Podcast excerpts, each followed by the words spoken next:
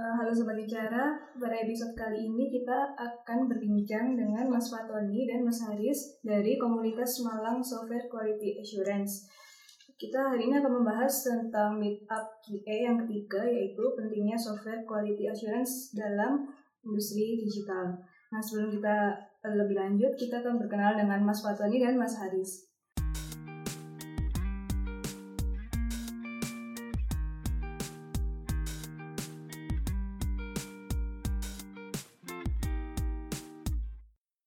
Mas Fatoni dan Mas Haris. Ya, halo, halo, selamat malam. Apa kabarnya Mas? Alhamdulillah, baik. baik. Uh, mas, boleh nggak memperkenalkan Malang Quality Assurance Community sebenarnya itu apa? Komunitas itu? Oke, okay, uh, jadi apa namanya Malang Quality Assurance itu suatu komunitas yang di situ mewadai para quality assurance maupun teman-teman yang mau belajar tentang quality assurance. Nanti mungkin apa sih quality assurance itu? Lebih tepatnya mungkin orang yang menguji yang memastikan suatu aplikasi, suatu produk itu bisa di deliver dengan baik oleh customer. Nanti bisa lebih lanjut dijelaskan sama Mas Fatoni apa itu uh, quality assurance. Jadi komunitas ini baru dibentuk dua bulan yang lalu. Jadi apa namanya meetup yang kemarin itu baru yang ketiga dan alhamdulillah kemarin itu kita buat semacam diskusi panel biar apa namanya lebih mengena apa sih uh, seluk beluknya quality assurance jadi orang juga lebih mengenal tentang mana quality assurance gitu. Uh, berarti langsung ke acara meetup yang kemarin mas ya.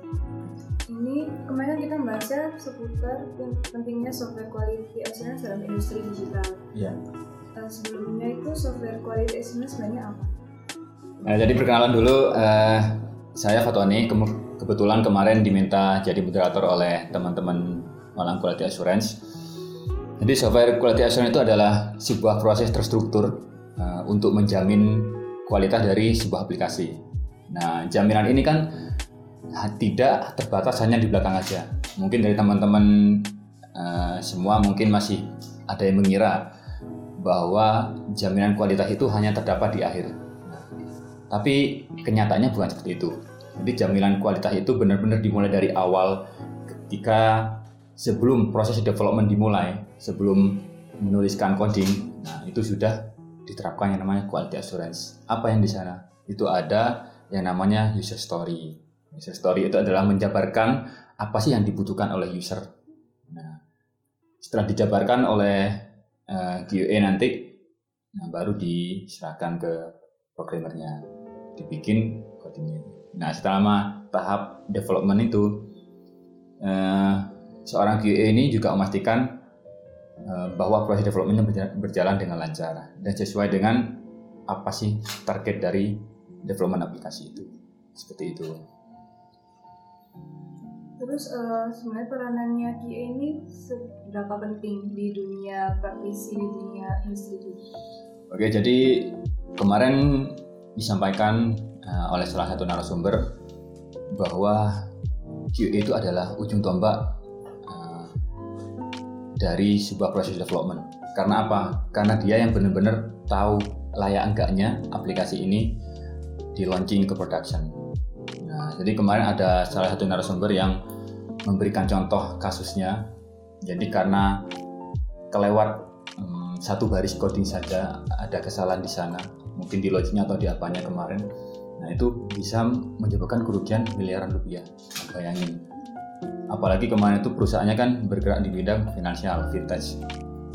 Itu. Jadi peranannya benar-benar sangat dibutuhkan di perusahaan karena uh, layak launchingnya suatu aplikasi itu nanti si QA itu berhak memutuskan. Kalau di bidang akademik kemarin kan ada pertanyaan bagaimana di bidang akademik itu sudah mendukung kau untuk jadi QA. Nah, kan dikatakan kalau ternyata di bidang akademik itu tergantung dosen. Nah, kalau dari benar ini. Oke oke boleh diulang dulu. Soalnya itu kemarin agak sensitif sih. Ya. enggak bisa diulang atau langsung aku? Oke, uh, jadi kemarin di tamu kita yang dari akademisi sudah menyampaikan bahwa uh, apa-apa yang dilakukan dipelajari di kampus itu juga tidak terlepas dari uh, SDM. Nah, salah satunya di sini yang dimaksud adalah dari dosen itu sendiri. Nah, mungkin kalau dari kurikulum uh, agak sulit ya.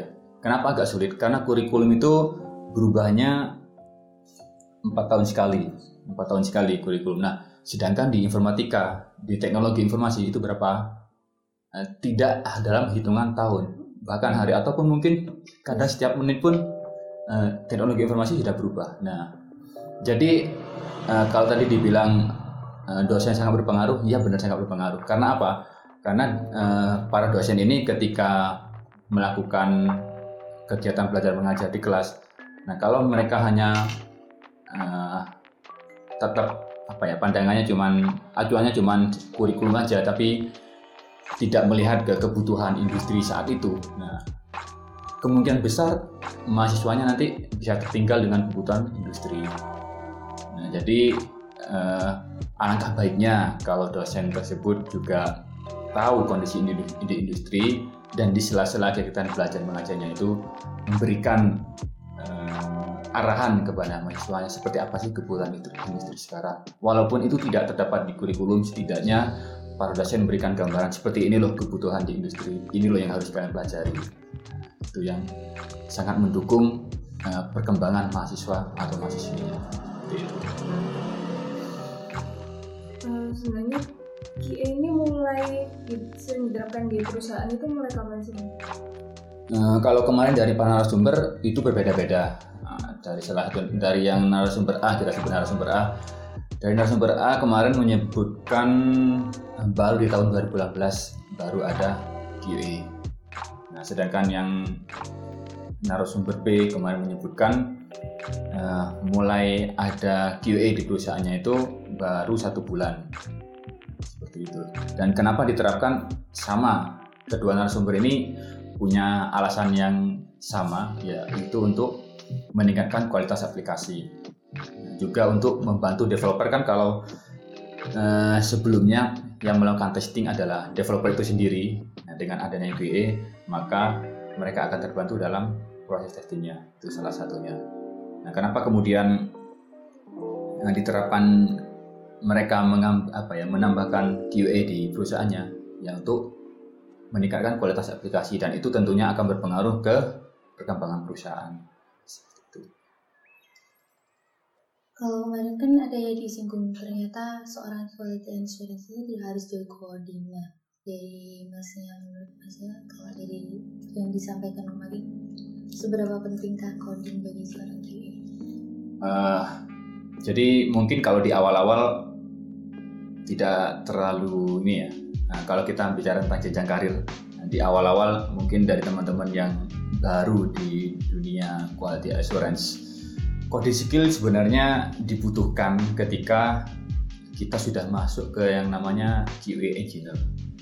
QA engineer itu bukan lagi melakukan testing manual, tapi mereka sudah membuat yang namanya automated test otomasi. Jadi semua testing itu dilakukan secara otomatis. Di situlah skill coding dibutuhkan.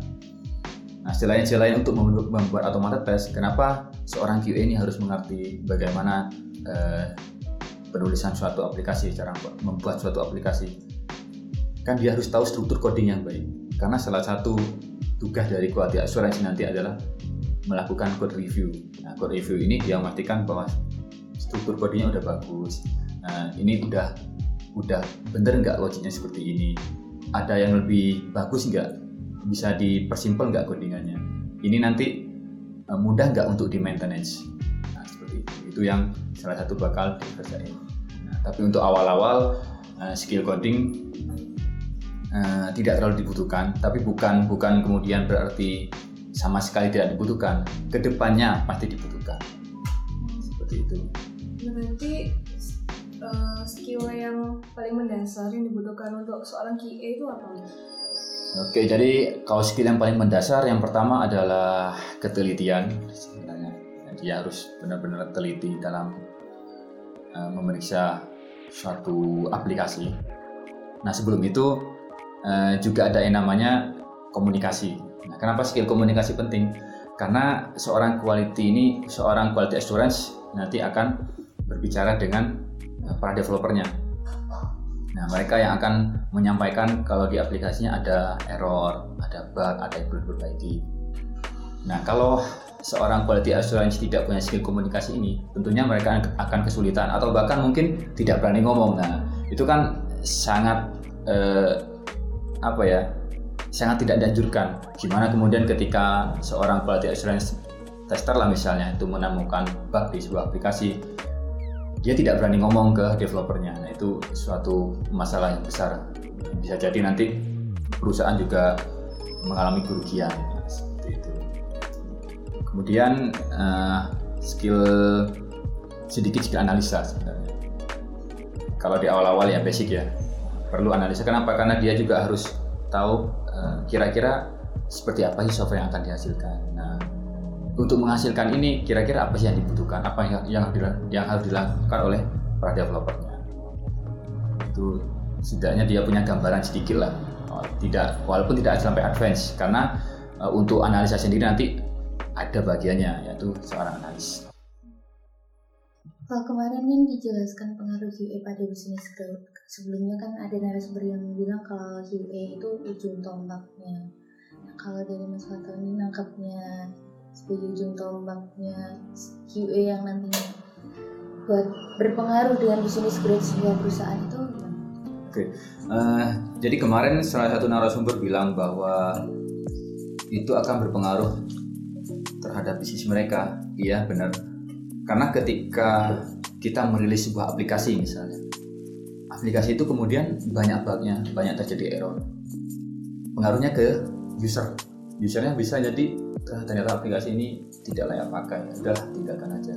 Nah, itu kan salah satu yang menjadi bukan salah satu sih tapi faktor utama uh, suatu aplikasi itu layak dikatakan berhasil adalah penggunanya. Nah kalau penggunanya sudah lari udah pindah ke aplikasi lain berarti aplikasi itu sudah ya bisa dikatakan tidak layak lah untuk launching production. Nah seperti itu. Dan juga selain tadi untuk menjamin untuk menjamin lebih lebih banyaknya pengguna juga untuk uh, proses development yang lebih tertata. Nah, jadi kalau misalnya sebelumnya tidak ada QA, jadi developernya yang melakukan testing sendiri, membuat aplikasi ya mungkin dengan dokumen yang tidak lengkap. Jadi coding ya asal coding aja tanpa ada acuan yang jelas ya gitu kan. Jadi dengan adanya QA nanti lebih tertata lagi dan itu diharapkan bisa mempercepat proses development juga seperti itu. Kalau kemarin yang ditanyakan kan saku, istilahnya saku kalau buat peluang buat sakunya dari lulusan akademisi buat jadi QA kemarin kan disampaikan kalau ada beberapa poin kalau jadi maksudnya gimana apa yang penting dari dunia akademisi yang nantinya dipakai di QA? Um, kalau murid dari akademisi tentunya fresh graduate lah kita bilangnya bukan akademisi saja kita bilangnya fresh graduate aja. Jadi kalau untuk fresh graduate tentunya um, mereka setidaknya pernah um, mencoba aplikasi lah, mencoba aplikasi iseng-iseng melakukan menelusuri semua fiturnya. Nah, itu kan nanti oh ini ternyata ada fitur yang tidak sesuai misalnya ada uh, secara UX kurang nah kayak gitu. Itu salah satu yang basic sekali. Nah, kemudian uh, perlu juga mereka itu tahu tool-tool apa sih yang akan digunakan oleh seorang quality assurance ke depannya. Misalnya untuk automata test toolnya pakai apa aja. Misalnya untuk web kita ada Selenium ada Catalog. Misalnya untuk API itu ada Postman atau yang lebih kalau mungkin teman-teman pengen modding yang pengen modding untuk melakukan automata test itu ada yang namanya conception. Banyak sih sebenarnya tool-tool teman-teman bisa cari bisa cari tahu itu di Google. Teman-teman bisa googling dengan kata kunci uh, tool automata test tool seperti itu. Kemarin kan dibahas itu peluang karir QA yang salah satu yang para narasumber bilang jenjang karir dan peluang seorang QA Kalau peluang karir kemarin dibilang dikatakan kalau uh, peluangnya adalah besar sekali. Nah, karena mungkin ya mungkin uh, di tahun ini mungkin ada masih banyak perusahaan yang belum menerapkan uh, QA karena apa? Karena mereka mungkin uh, salah satu yang diperhatikan juga faktor faktor apa ya namanya finansial ya faktor ya faktor finansial juga. Jadi kan kalau nambah orang berarti butuh nambah gaji karyawan nih. Nah tapi itu juga uh, impactnya besar juga terhadap kualitas aplikasi. Jadi ketika kita menambah seorang quality assurance berarti kita sudah menambah mengupgrade kualitas aplikasi yang akan uh, kita launching. Jadi kemarin secara peluang karir itu dikatakan besar sekali. Kemudian kalau jenjang karir juga jelas sekali.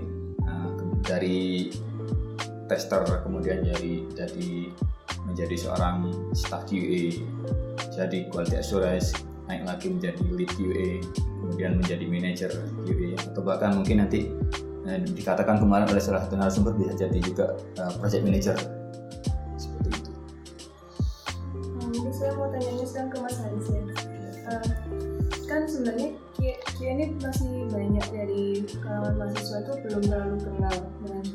Nah itu gimana caranya biar mereka tuh paham oh ini adalah sebuah apa sebuah quality assurance yang dibutuhkan di industri itu gimana?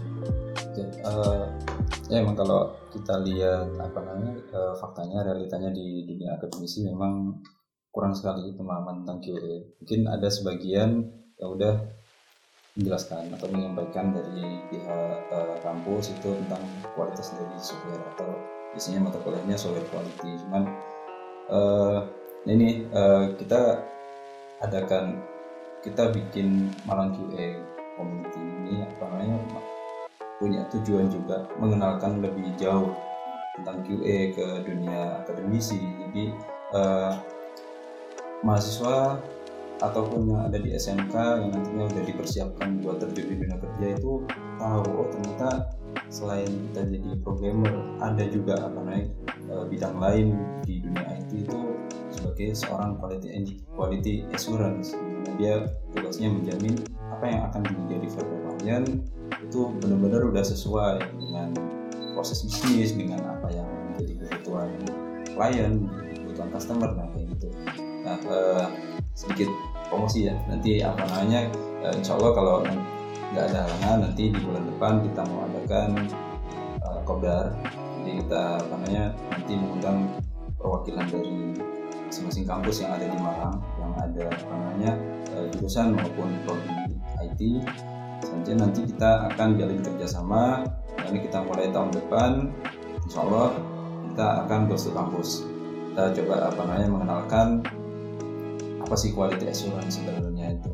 Itu uh, kita punya visi seperti itu. Jadi apa namanya salah kemungkinan besar ke depan semakin banyak dunia akademisi yang kenal dengan quality assurance semakin mudah juga kita nanti ke depan untuk uh, benar-benar adanya komunitas ini apa namanya kita membentuk talent. Ya, istilahnya apa namanya kita apa namanya uh, belajar bareng sehingga nanti benar-benar talent yang ada itu sewaktu-waktu apa namanya ada industri yang itu itu siap diterjunkan. Jadi apa namanya ya intinya tadi kita akan coba kenalkan lebih jauh apa itu dengan QA ke dunia akademisi. Jadi ke depannya MQA ini bisa mungkin kolaborasi sama komunitas atau jurusan yang di kampus? Iya betul sekali. Kalau dari audiens kemarin kan ada tiga pertanyaan. Eh, untuk Mas Iya. yang pertama kan kultur seorang QA untuk untuk struggle di tengah-tengah perkembangan teknologi itu kayak gimana terus yang kedua karakteristik yang harus dimiliki seorang QA.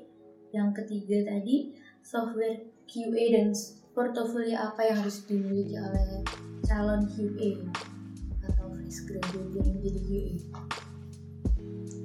Oke, jadi kemarin itu ada salah satu peserta yang menanyakan bagaimana sih culture di suatu perusahaan bagaimana peran QA eh, yang mana dalam proses developmentnya itu menggunakan eh, Scrum itu yang kemarin ditanyakan.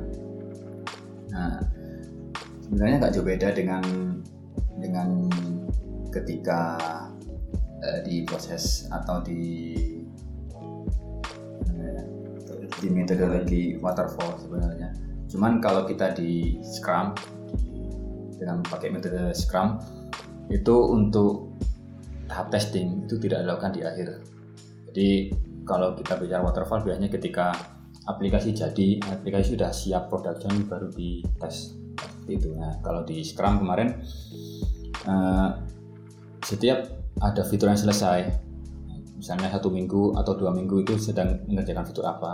Nah ketika itu selesai itu bakal dilakukan testing oleh uh, testernya. Jadi tidak menunggu keseluruhan fitur selesai baru dites, enggak jadi tesnya itu lebih ke per fitur sebenarnya. Per minimal per dua minggu atau per minggu lah. Jadi tidak nunggu aplikasi besar jadi baru kita enggak. Jadi benar-benar akan mempersingkat pekerjaan seorang dari software quality assurance karena itu tidak akan apa ya ketika mereka akan melakukan testing sebuah aplikasi yang besar mereka tentunya punya tes skenario yang sudah banyak sekali Nah, itu kan tentunya akan menjadi suatu hal yang membosankan. Nah, kalau di Scrum itu mereka punya tes skenario tapi nggak sebanyak yang tadi, yang waterfall tadi. Benar nanti akan ada full test di akhir eh, di akhir production. Cuman kan setidaknya uh, kita sudah punya yang namanya apa sih yang aplikasi ini kelemahannya apa, kira-kira nanti apa yang perlu diambil lagi. Nah, sehingga ketika dilakukan full test di akhir itu benar-benar sudah minim bug seperti itu contohnya hijau tapi pasti gitu ya. Iya hijau tapi pasti. Itu yang nah, ketika kita menggunakan Scrum metodologi. Eh, bukan metodologi ya kalau nyebutnya Scrum framework. Sama yang kedua jadi ya, jadi kemarin kalau dari nah, narasumber kemarin ada yang bilang harus izon ya. Jadi harus harus harus berburuk sangka dulu kalau aplikasi ini ada bug. Aplikasi ini salah gitu. bener sebenarnya. Jadi kenapa kemudian ada seorang tester? Karena kalau seorang developer melakukan testing aplikasi itu mereka bakal menemukan bugnya itu uh, untuk menemukan bug itu mereka sangat kecil sekali karena apa karena mereka yang melakukan coding dan mereka sudah ngerti flow-nya seperti apa hal-hal yang harus dilakukan langkah-langkah yang harus dilakukan ketika menggunakan aplikasi itu mereka sudah tahu. Nah kalau GE kan enggak kalau seorang tester. Nah, pokoknya makanya ini aplikasi ini enggak benar nih. Ya udah kita saja. Misalnya login yang kamu contohkan kan. Login misalnya kalau seorang uh, developer misal login dengan username benar, password benar, oh, login sukses. Kemudian mereka coba login dengan username salah atau password salah, login gagal. Nah, kalau QA dia coba misalnya login berapa kali? 10 kali ternyata gagal terus. Efeknya apa? Nah, kayak gitu. Kemudian misalnya username saya isi dengan sintaks HTML kayak gitu kan. Hasilnya apa? Nah seperti itu. Seperti itu sih. Gini untuk Mas Haris pertanyaan ketiga. Portofolio untuk seorang GP uh, ya uh, seperti yang sudah dijelaskan Mas Tony tadi apa namanya uh, pasti awal kita udah pernah nyoba aplikasi kita kepo tentang aplikasi. Jadi uh, semakin kita punya apa namanya uh, kemauan kuat maksudnya istilahnya kepo fitur-fitur dari aplikasi itu semakin menumbuhkan uh, kepo tadi terus juga suudon tapi suudonnya ke aplikasinya bukan ke orangnya bukan ke developernya gitu ya. Uh, itu terus juga apa namanya uh, ikut komunitas, ikut apa namanya uh, pelatihan quality assurance juga itu jadi uh, modal yang berharga gitu kalau sama kita ke depan mau mendalami karir pertama atau kita mempelajari tentang dunia software quality assurance kayak gitu. Syukur-syukur kalau nanti uh, sambil kita kuliah biasanya kan kalau mahasiswa tingkat akhir udah uh, skripsinya nyantai gitu ya dia sambil uh, ada part time atau freelance jadi seorang QA itu bakal jadi apa namanya uh, modal yang berharga gitu karena orang mau melamar kerjaan yang pasti yang dilihat pertama adalah CV-nya. Nah CV lolos Nah, di situ ternyata oh udah ada pengalaman di dunia QA. Coba kita interview, interview kita apa namanya lakukan eh, tes rekrutmen lebih lanjut. Oh apa namanya ternyata beneran jadi apa yang ada di CV itu ketika kita tes interview benar-benar eh, dia apa namanya bisa kita terima. Nanti kita apa namanya kita eh, kita gembleng. Nanti biasanya di perusahaan kan ada apa namanya masa training. Nah itu nanti evaluasi. Ternyata benar-benar dia punya kemampuan di bidang QA itu apa namanya lanjutannya seperti itu. Jadi apa ikut komunitas dan sebagainya itu eh, dirasa sangat penting Ya tadi tambahan untuk yang karakteristik tadi. Nah, jadi mungkin tadi yang dibahas di awal masih uh, basic ya. Nah, kemudian kita mungkin lebih mulai ke teknis. Mereka harus punya skill uh, minimal itu technical writer. Kenapa harus tahu itu? Karena mereka akan mendokumentasikan kan.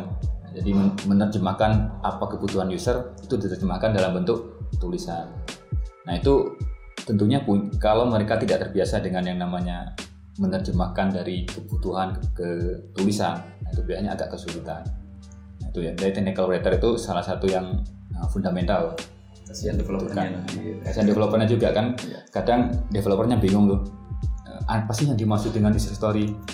Misalnya eh, yang ditulis seorang QA misalnya cuman eh, dibutuhkan form login dengan eh, enggak gitu sih. Eh, dibutuhkan form login eh, di sebelum menggunakan aplikasi. Nah kan nggak jelas. Login ini login dengan apa? Bisa login dengan email bisa dengan nomor telepon atau mungkin login dengan sosial media. Nah itu kan bisa. Itu yang harus dimiliki oleh seorang uh, software quality assurance.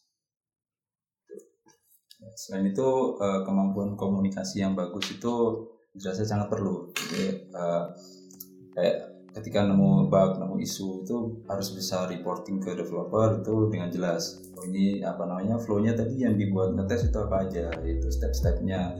Terus juga apa namanya eh, disertai juga dengan dokumen-dokumen penting, misalnya yang bisa membantu atau informasi lain kayak apa namanya. eh, aku coba di akun ini nggak bisa atau apa namanya nanti disertakan video atau screenshot eh, terjadinya error. Nah, di situ eh, ketika seorang QA melaporkan isu bug hal itu eh, menjadi sangat penting. Karena biasanya developer itu mungkin agak sensitif. Jadi ketika ada komunikasi yang nggak pas jadinya si developer bingung. Akhirnya nggak tahu harus ngapain. Jadinya eh, apa yang dilakukan oleh developer jadinya sia-sia. Jadi nggak ada apa namanya komunikasi yang bagus itu bisa menghambat proses development.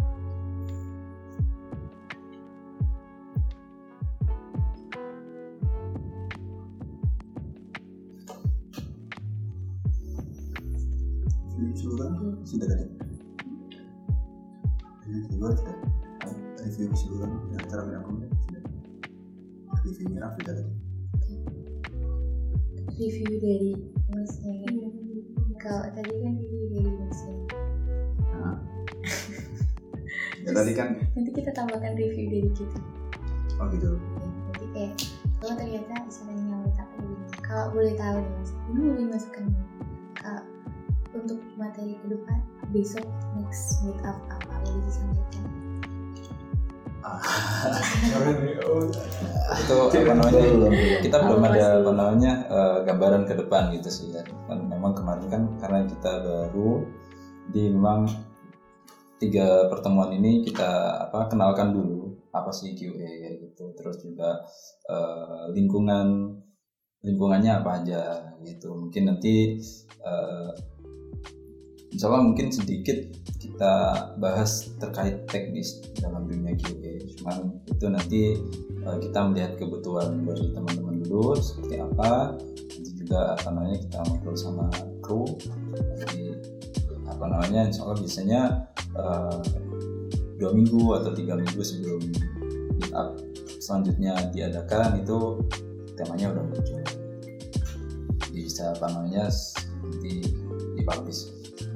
Kalau lihat dari acara meet up kemarin antusiasme audiens untuk mas Oh itu di luar ekspektasi, gitu. ya di luar ekspektasi. Jadi eh, gambaran kita di awal itu karena biasanya yang ikut 40 berkisar di 40 orang. Kemarin kita coba tambah kuota eh, kita prediksikan sekitar 50 orang yang ikut. Tapi ternyata yang daftar di event Bright itu mencapai 84 orang. Itu sesuatu yang cukup wah bagi kita oh ternyata eh, semakin ke sini semakin banyak yang tertarik itu menjadikan motivasi tersendiri buat kru nanti eh, gimana meramu acara ke depannya biar nanti eh, adanya komunitas ini bisa memberikan manfaat yang lebih pada eh, teman-teman yang join di komunitas ataupun yang belajar mengenai dunia quality assurance. sama tujuan kemarin sih mungkin. Ya. Nah, jadi eh, dari kegiatan kemarin sebenarnya kita ada tujuan sebenarnya. Kenapa kemudian kita mengambil tema pentingnya software quality assurance dalam industri digital dan kenapa tamu-tamu kita adalah dari akademisi dan dari praktisi, kemudian dari eh, pihak komunitas kampus.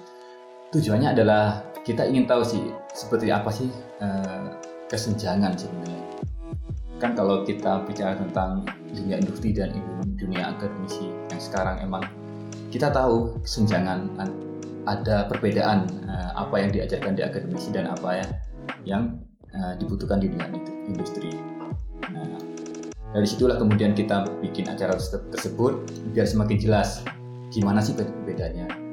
Dan kita pengen eh, ambil jalan tengah. Kita sebagai komunitas itu pengen ngasih eh, ke depannya pengen rapin apa sih yang harus kita lakukan agar perbedaan antara kebutuhan antara industri dan akademik ini tidak terlalu jauh. Itulah di bidang QA gitu. Iya, terutama di bidang QA. Nah, kemudian kita undang komunitas kampus karena nanti mereka yang akan menjembatani komunitas QA ini dengan eh, pihak kampus mereka. Jadi mungkin ki- kita tidak bisa langsung ke pihak kampus, nah kita lewat dari komunitas. eh, kita tidak bisa langsung ke pihak akademisi, maka kita berusaha lewat dari komunitas kampus tadi. Itu di- diharapkan sekali dari teman-teman komunitas kampus bisa bisa join, bisa kolaborasi dengan kita itu sangat kita harapkan sekali. Gitu. Jadi kenapa kita berani mengambil eh, langkah yang seperti itu? Karena kita tahu bahwa quality assurance ini tidak terbatas di satu bidang atau di satu lini lini apa yang namanya development. Misalnya kan ada back end, ada front end, ada desain. Kita kan tidak terbatas di satu itu. Bisa aja nanti di suatu kampus mereka pengen membuat sebuah back end yang berkualitas itu seperti apa sih? Itu bisa. Misalnya di kampus lain eh, desain yang oke ini seperti apa sih? Bisa yang lain mobile yang berkualitas seperti apa sih? Jadi gitu. Jadi kita cangkupannya luas makanya kita berani mengambil langkah pendekatan seperti itu. Dan kemarin sudah terjawab oleh para narasumber dari terutama yang dari praktisi atau dunia industri mereka siap untuk mensupport kegiatan kita dan juga kemarin dari komunitas kampus juga menyanggupi mereka bakal terbuka mereka akan menerima jika ada yang mau- eh, bekerja sama dengan mereka dan dari Malang QI sendiri kemarin juga siap ya untuk membantu itu.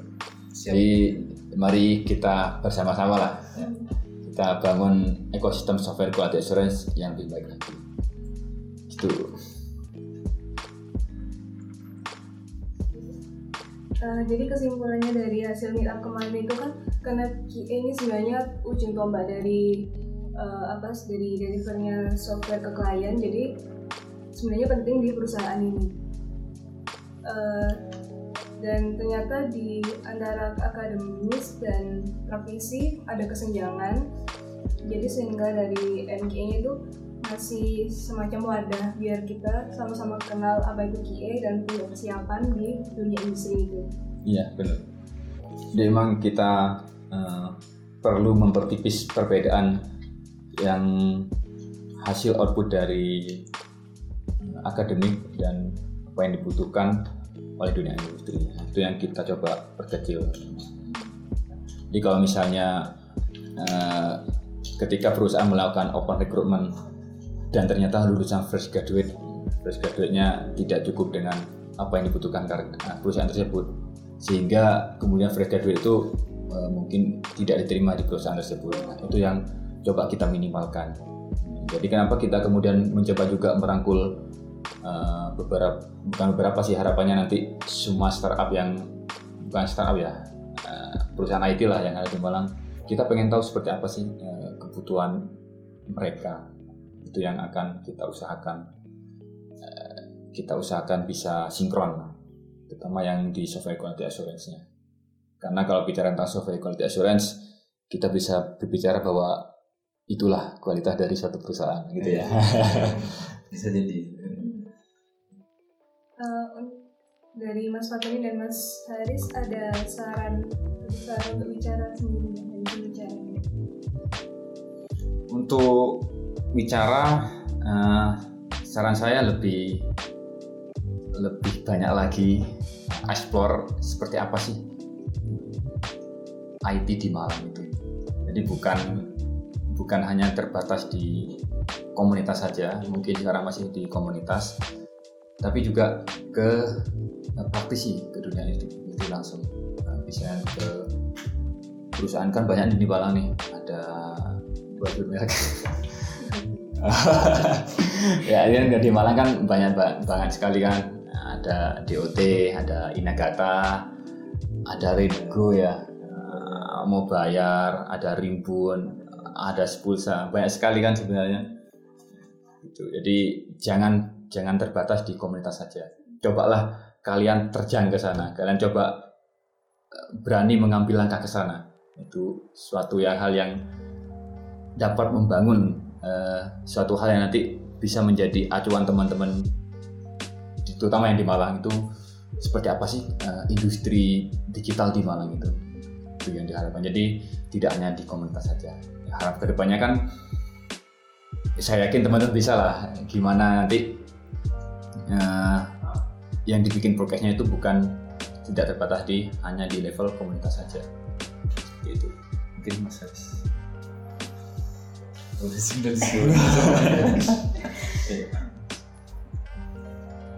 Nah ini juga uh, saran saya juga mungkin bisa live live podcast ya. Oh, nah, jadi kalau memungkinkan kalau memungkinkan itu bisa live podcast jadi waktu terutama acara yang seperti kemarin yang diskusi panel karena itu kalau di sesi terpisah bakal kesulitan para narasumbernya. Agak baiknya kalau di pas acara langsung bikin bikin direkam lah minimal direkam semua kegiatannya. Itu, itu menarik sekali.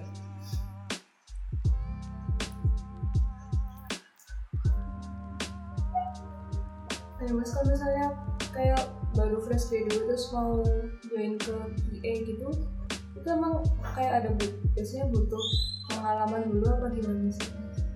Ini QA di kitanya atau di perusahaannya? Maksudnya kita ini di mana QA di general generalnya biasanya gimana?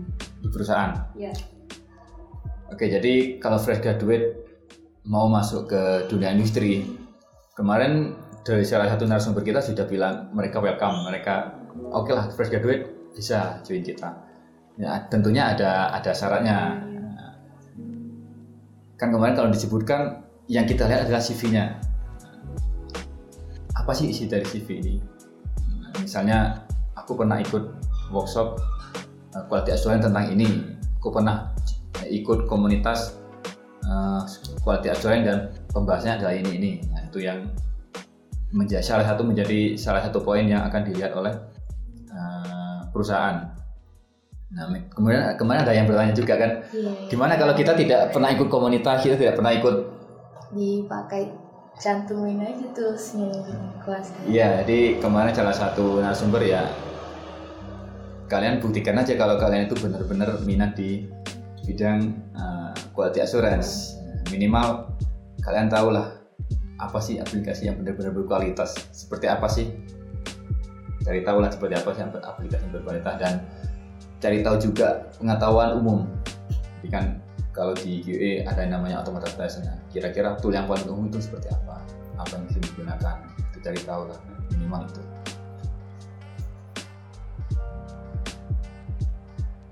Meetup MQA atau Malang Quality Assurance ketiga yang diadakan pada bulan November oleh Malang Quality Assurance Community membahas pentingnya software quality assurance di dunia perusahaan digital. Meetup ini dihadiri oleh akademisi, praktisi, dan juga komunitas kampus. Seorang QA kini mulai dicari oleh banyak perusahaan digital. Mengapa? Karena dengan adanya QA di perusahaan tersebut bisa memaksimalkan kualitas sebuah produk.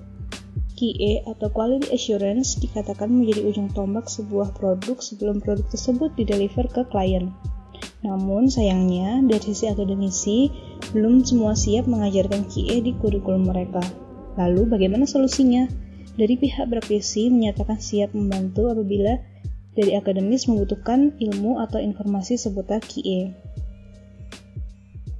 Itulah tadi review dari Meetup MQA yang ketiga yang diadakan pada bulan November. Terima kasih dan sampai jumpa di podcast-podcast selanjutnya.